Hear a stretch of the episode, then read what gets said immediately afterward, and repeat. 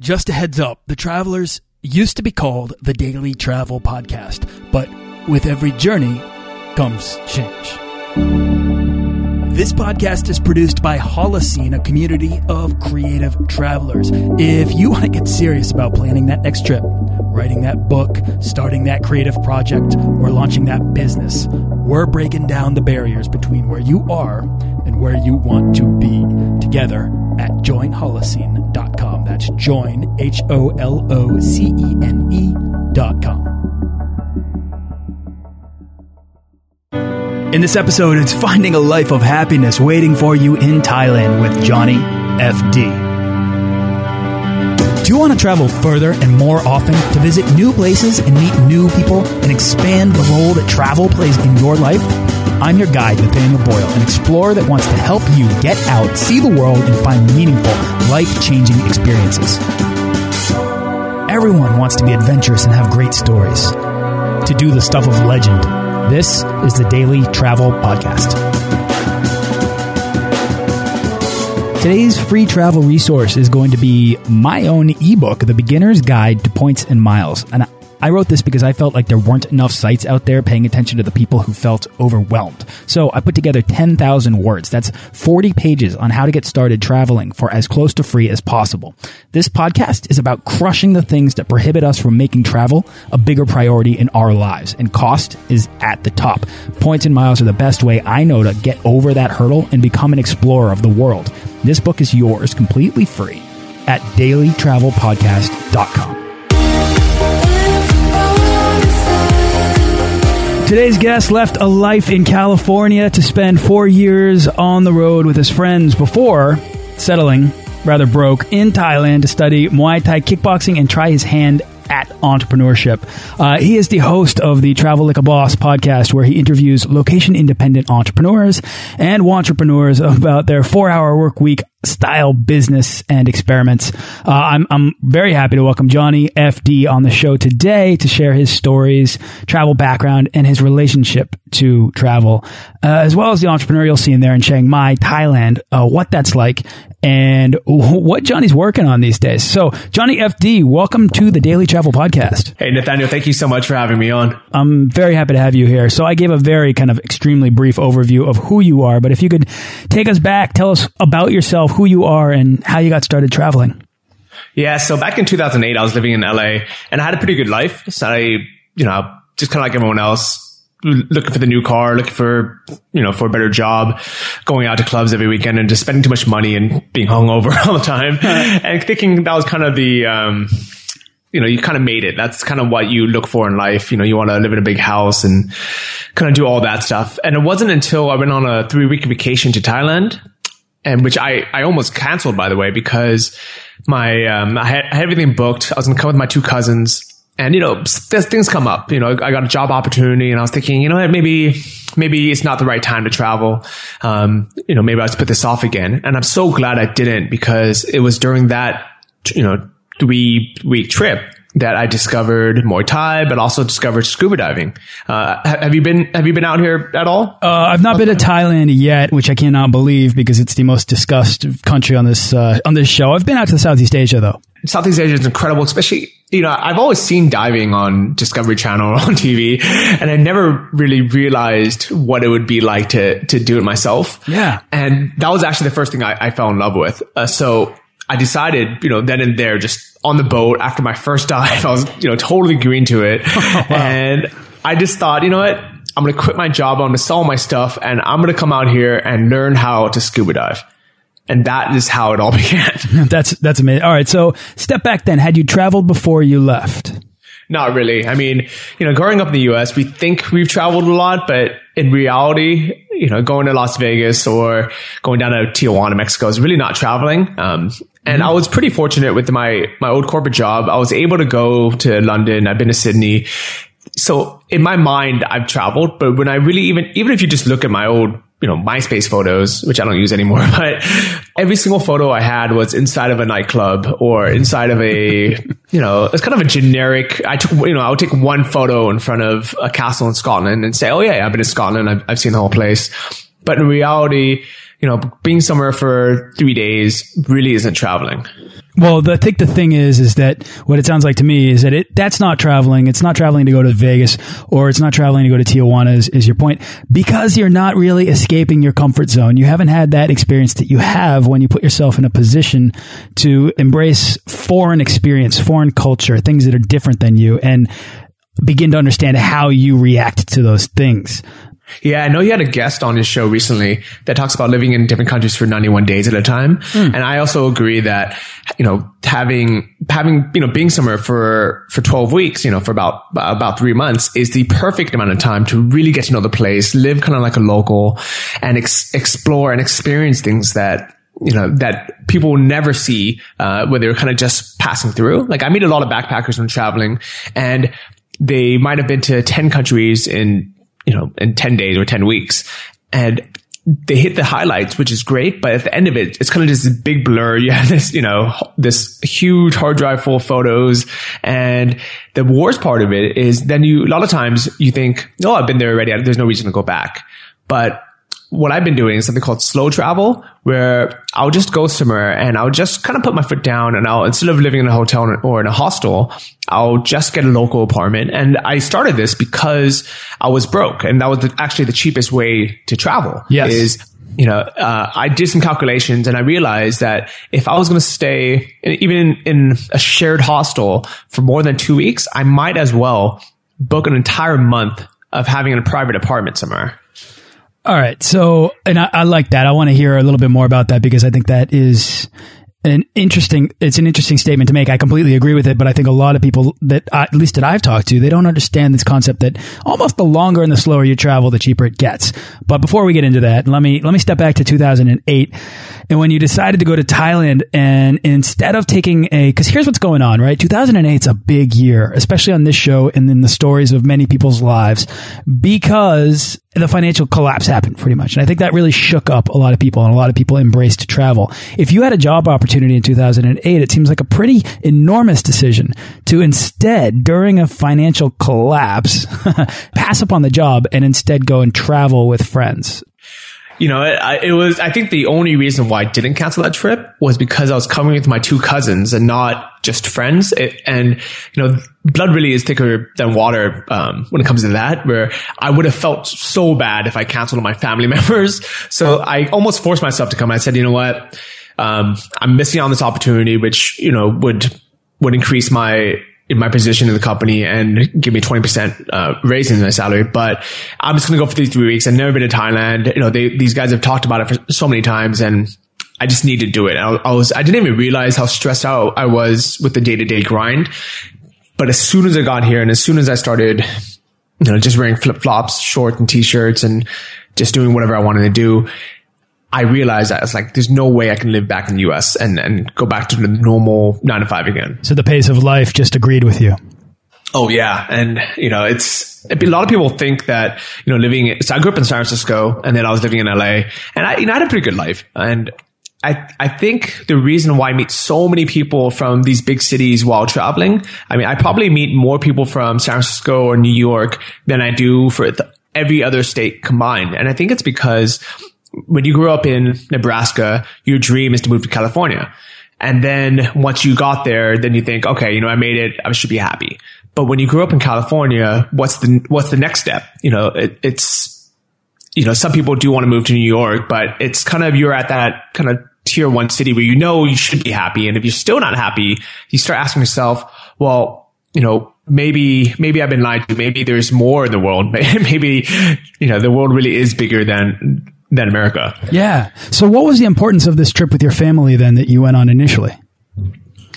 Uh, so it was my two cousins, uh, Larry and Jacob, and they're both a little bit older than me, and they both came out here, you know, many times. And it's just one of those things where I, I grew up, you know, I actually didn't know them when I grew up, which is kind of crazy because we li- all lived in the same state.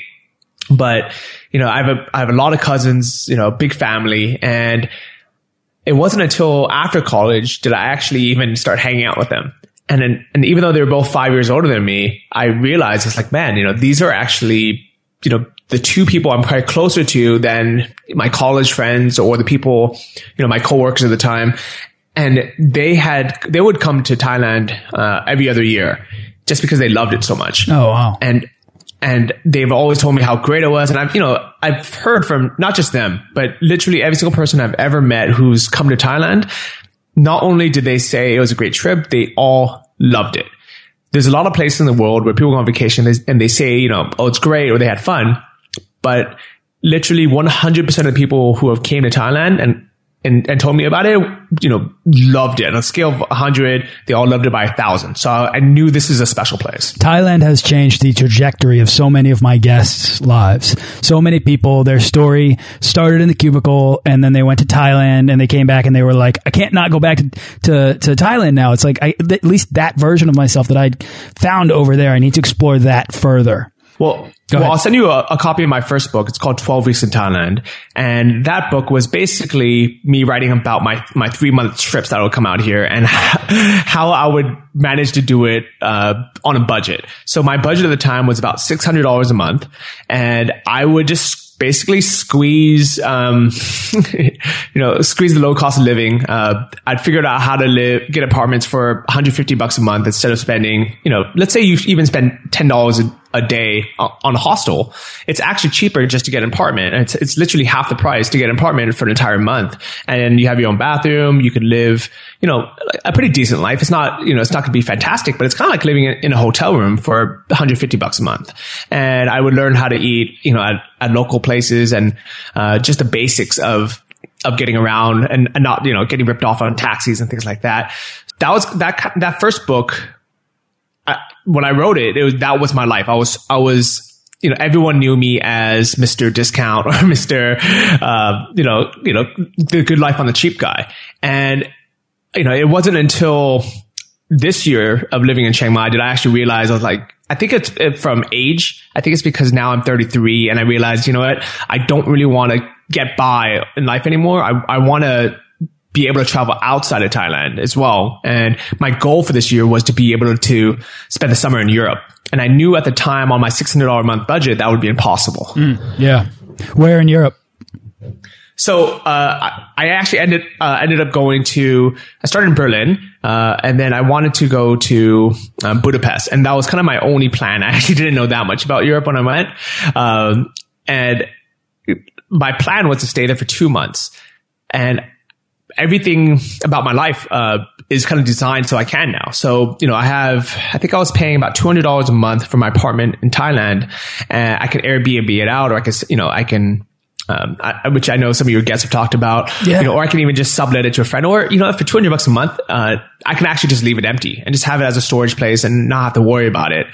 But after about, after exactly three weeks in Europe, I went to Prague, uh, and I went to Vienna, uh, Budapest and Berlin.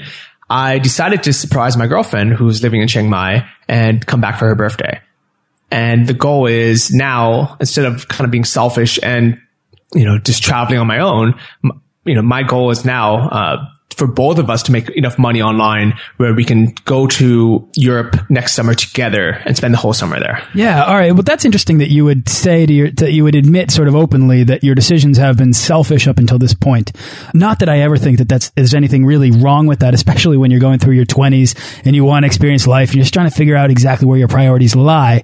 At the same time, when you're being when you're trying to be career oriented or you're trying to be life oriented with the people that you meet. I'm your age, man. I'm 32, and yeah, I mean my priorities are definitely changing year after year. You know what I mean? So I, I identify with what you're saying. One of the things that I admire most about travelers is how independent and confident they are, and that's one of those qualities I never really had growing up because growing up, uh, even in, in San Francisco, which is, you know, still a big city, you kind of have, you know, your kind of crew of friends and you, you know, you everything that you do kind of revolves around, you know, your circle of five or 10 friends. You're not really that independent. Think about it. If you travel somewhere, you know, let's say, you know, you even wanted to go to Vegas for the weekend, you'd make a big group and it, would always be a group event. You would never ever travel anywhere by yourself. It just almost sounded ridiculous. And what I really admire about backpackers or people who, who travel is how fiercely independent they are. But at the same time, I think that's kind of got me a lot of trouble as well, where now because I'm so independent, you know, it's, it's almost like it's trying to find that balance again between having these genuine deep friendships where you rely on each other and support each other, uh, and having the balls to, you know, to say, you know what, if you don't want to go this weekend, that's fine. I'll, I'll hop on a bus myself and, uh, stay in a hostel. I'm sure I'll meet other people. I think that that's the kind of independence that comes from the experience of travel. Uh, if you haven't before, I mean, travel affords you the opportunity to exercise those muscles in a way so that you become kind of this. I've seen a lot of people become these almost social creatures that were before very introverted. Even you know the simple fact of eating alone 100% of travelers i know are comfortable eating alone. Yeah. I love eating i mean it's not like i don't seek it out but i'm perfectly fine doing it but back in the US, I would guarantee, you know, 99% of my friends, you, they will never be caught eating alone in a restaurant. And here it's, it's just one of those things that, you know, it's, I really do feel like that travel itself, and I'm sure every single person listening to this, you know, just has that sense of, you know, of escaping the crabs in the barrel syndrome. You know, they realize, hey, you know, there is so much more life and so many more places to explore. And it's 100% possible because so many people are doing it. And even if your, you know, your circle of friends back home aren't doing it by having these podcasts and having these different stories from, from every single person, uh, that are, that's on the show, you realize, hey, if they can do it, why not me? So when did you discover this transformation in yourself? At what point in your journey did you begin to recognize that you were becoming somebody that was quite a bit more confident than the person that that you left at home? I just released my second book. It's called Life Changes Quick. It starts out as, you know, hey, I've been living this great life for the last four years. And I talk about briefly about the first book saying it's been great being able to travel and live cheap. Um, I would teach scuba diving to get to get by. I would do Muay Thai, kind of just do all the things I enjoy doing. But exactly a year ago, I decided I was like, you know what? I'm turning 33 this year. I need to get my life in in order. I need I need to get things together. And I had the decision either to move back home to the US and get a job and say, you know what, this has been fun, but it's time to get back to the real world. You know, maybe I need to save up and buy a house and, and get, you know, work on my career. But the problem with that is I would have had to move back with my parents and just to kind of get things up and running. Cause, you know, as everyone knows, rent in San Francisco is ridiculous. So, you know, the thought of living back in my parents' house, even for a few months while I got my, my things back together, you know, was just not an option to me. And at the same time, I also didn't want to go back with my tail between my legs and having everyone say, okay, well, welcome back to the real life. I, I knew it wasn't going to last forever. Johnny, let me, inter- let me interrupt you real quick. Is this because you have found yourself on this entrepreneurial path and you find yourself sort of almost unemployable in a sense? Yeah, I, I really think that, I mean, the idea of writing a resume and interviewing on a job that I know, you know, I'm not going to end up loving because I think the dream is to find a job that, that you're passionate about and you love. But in reality, most people kind of just, you know, go through the motions of, of work. I mean, I worked for a big American company called Honeywell and it was my dream job. It was, I, I think I got lucky with a lot of things where because I had, you know, kind of gotten, you know, I grew up in a great city, you know, I got a great job out of college. So I kind of saw what the, the upsides were. And even though having that, I realized, hey, you know what? The, the only thing to do now is to, you know, is to brag about it or show it off. And I think that's why people, you know, in these positions that, that can drive a nice car, live in a big house, or have these great corporate jobs with expense accounts, you know, they show it off so much. It's not just because it's great. It's because, it's almost because they figure, Hey, I worked so hard to get it. This is the, and I'm still not happy. This is kind of the only way to, to justify my life is to kind of show other people what I have and they don't have it. As is, as if they're offsetting the compromises they've made with their exactly. time. Yeah. Interesting. So, all right, then stepping back, going back to when you were on that trip, it was a three week trip and you went diving and you are sitting there on the boat and you're like, oh my God, I, I can't, I can't stop diving. I have to, I have to explore this world. Did you become a dive instructor or? Yeah, so uh, I knew I was very naive, and I basically just you know listened to my my instructor. His name was uh, Rene Christophe, and I asked him. I said, "Hey, you know, how's how'd you become you know a diving instructor?" And he told me, you know, he said, "Hey, Johnny, you know, I think you're a natural. I think you'd be a great dive master. You can, you know, it only costs a thousand dollars to take the course, so you can do it in two months."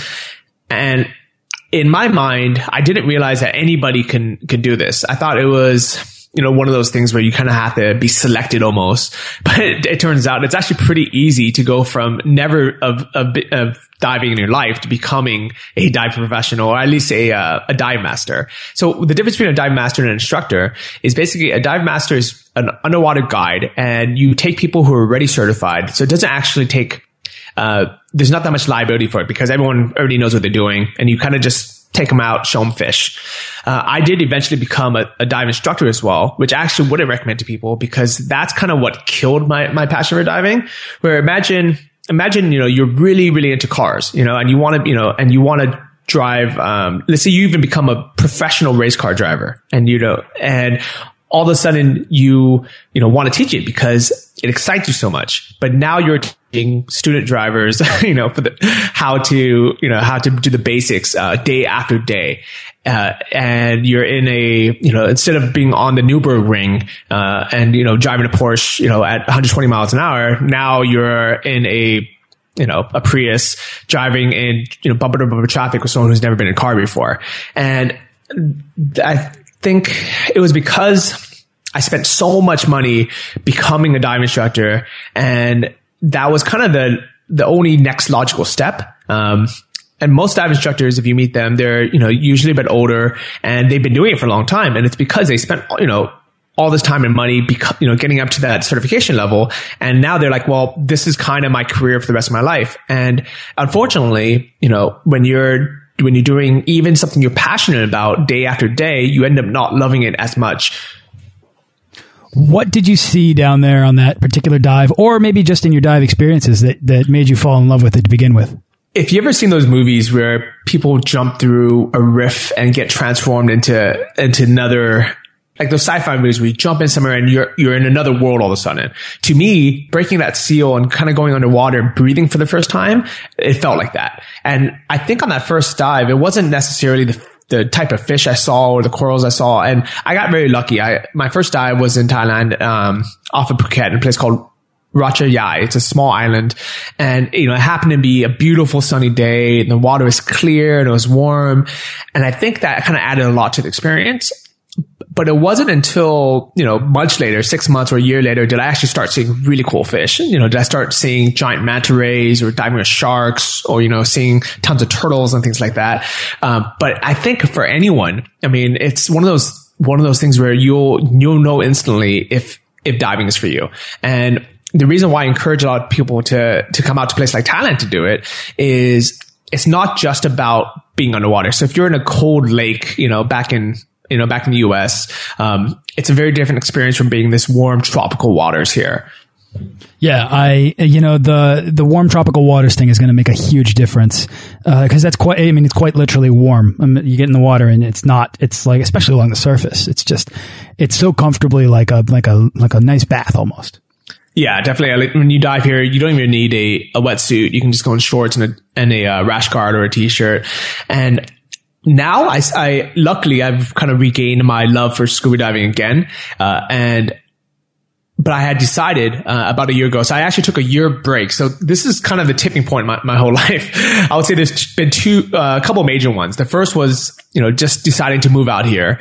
Uh, the second was actually deciding that I was bored of Thailand and I wanted to, to travel other places. So I had been living here for a year and I was, you know, I was taking people out diving and I thought, you know, I thought, you know what? Maybe there's the grass is going to be green on the other side, or in my case, the water was going to be bluer in the Caribbeans.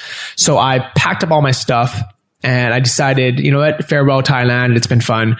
And I moved to a small island called Utila in off of Honduras, uh, which is technically part of the Caribbean Sea, thinking that that was going to be the best place in the world.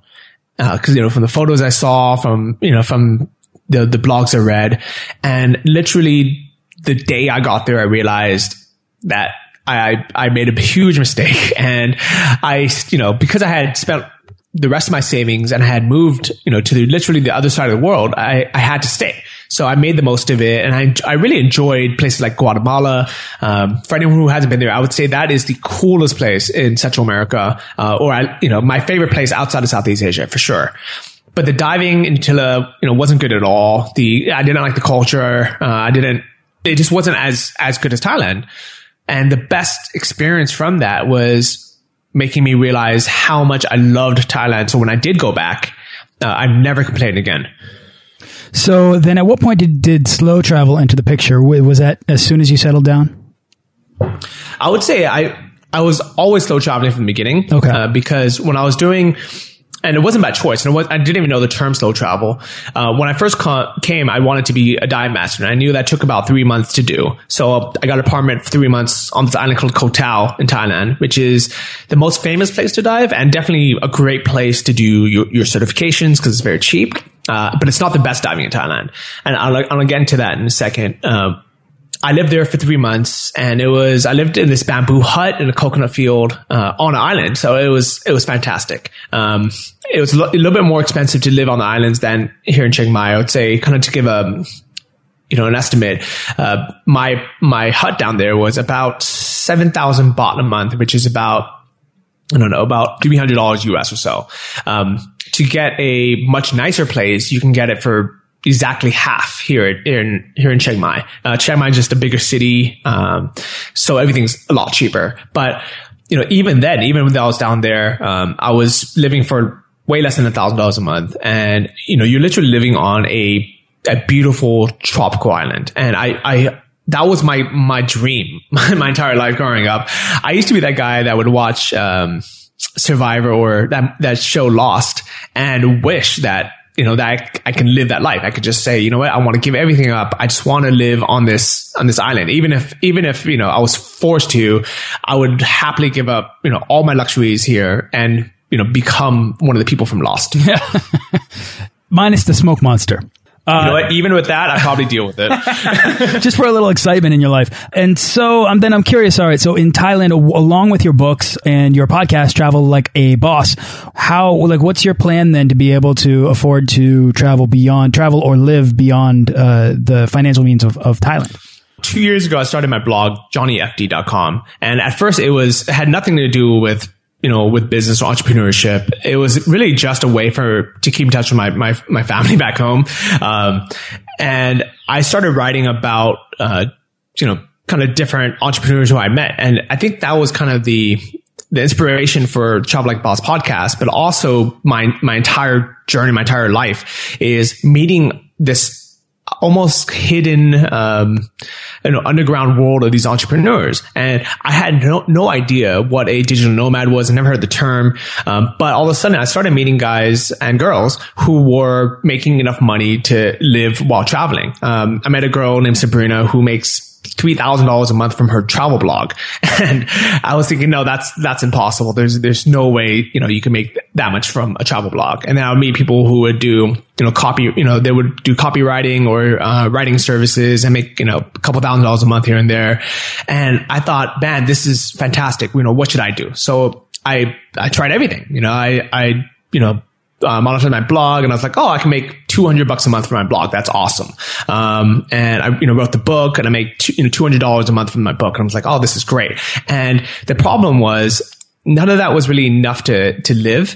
Um, so I kept thinking, you know, like, what do I really want to do? And I used that excuse to pick the brains of every single entrepreneur I met, everyone who was making, you know, money at location independently. I would just pick the brain and say, you know, what do you do? I met a guy um, named Anton who taught me about drop shipping.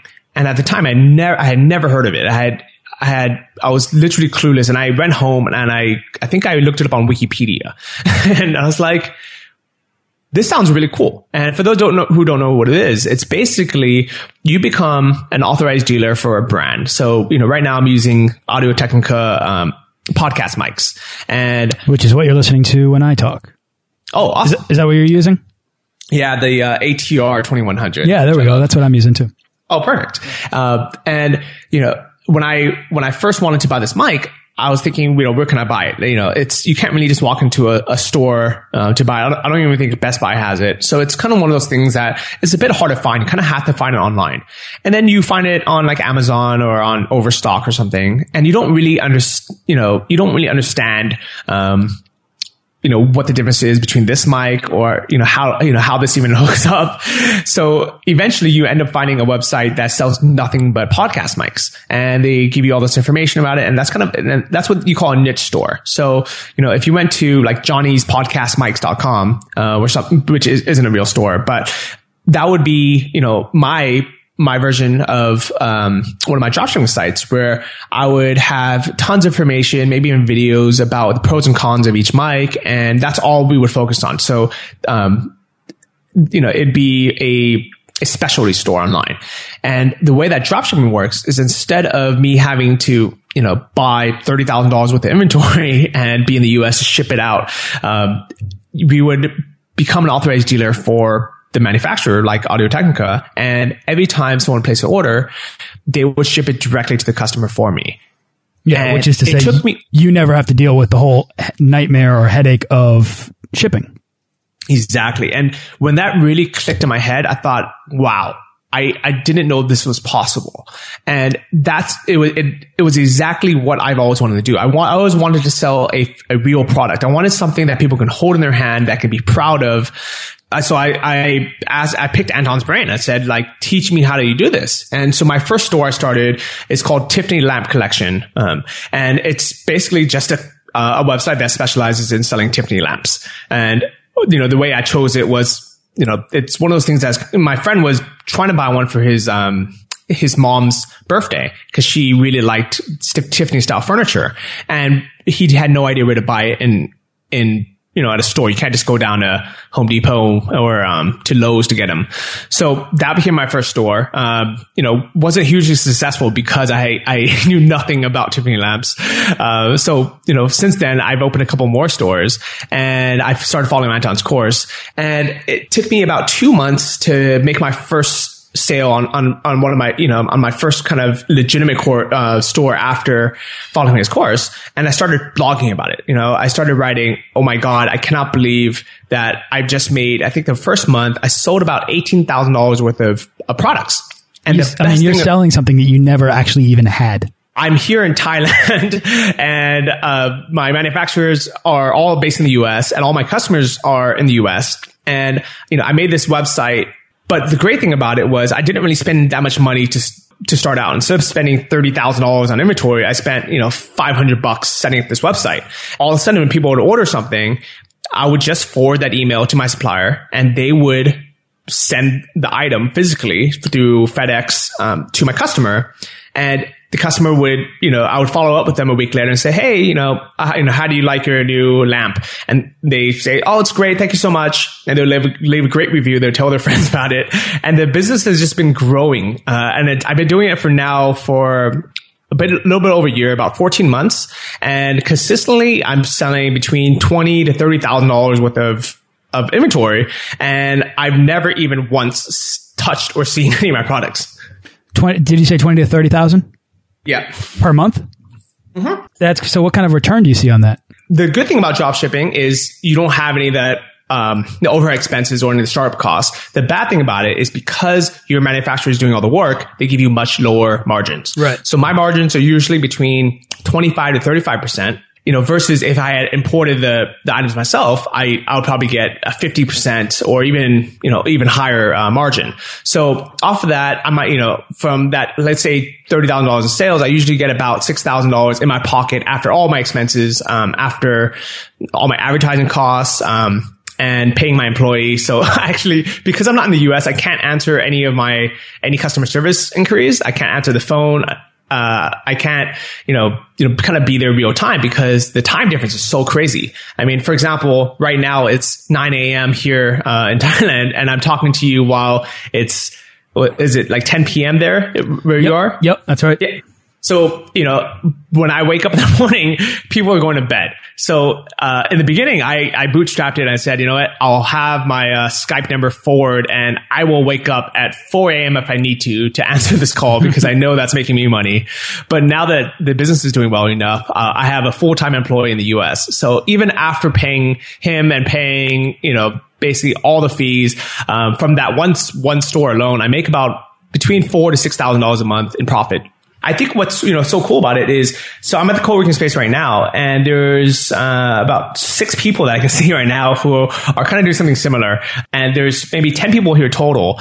Literally 100 percent of the people here are living location independently. Not everybody's you know making tons of money, but they're all making enough money where they can basically travel for the rest of their lives if they wanted to. And that is the goal with the work that you're doing as well.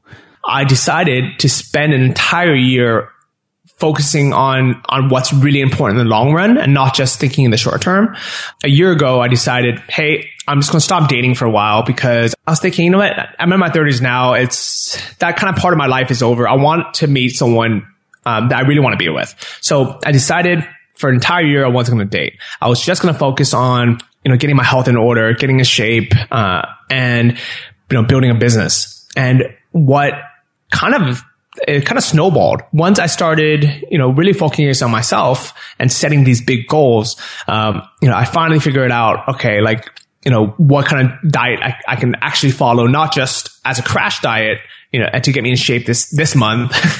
um, but it's something I can follow forever. And then I figured out, you know, instead of just figuring out how to make you know, a couple hundred bucks a month, uh, here and there, you know, and, or, you know, trading my time for money, how I can really build a legitimate business that can, you know, sustain me, you know, really for the rest of my life. And I think once I got all this in order, that's when I met my girlfriend who I'm with, who I'm living with now. So life change really does change quick. You know, once you really decide what you want and you sit down and say, you know what, whatever it takes in this next year, I'm going to get it. That's when it happens. So okay, Johnny. So is there anything else that you you know you want to share before we wrap up here? I could talk to you about this stuff like all night and just riff with you, but uh, we gotta we're running out of time here. So anything else you want to Yeah. share? Definitely. I mean, if you want to know more, I would say, you know, just read the book. It's lifechangesquick, uh, uh, or just follow my blog. I, I'm very open about every single thing I do. Um, and I even started writing income reports on exactly how much I make from, from each source of my income. So, uh, it, it was a little bit awkward to write about in the beginning because it's such a kind of a, a personal topic, but so many people have said it's, it's really opened their eyes and helped them with it. So if you want to check that out, it's at johnnyfd.com. And Yeah. since you guys all, all love podcasts, make sure you listen to the Travel Like a Boss podcast. Perfect. So, uh, Johnny, thank you so much for coming on here and sharing your you know your life story and being so transparent about it. I, I really appreciate that. Uh, where's your next trip, man?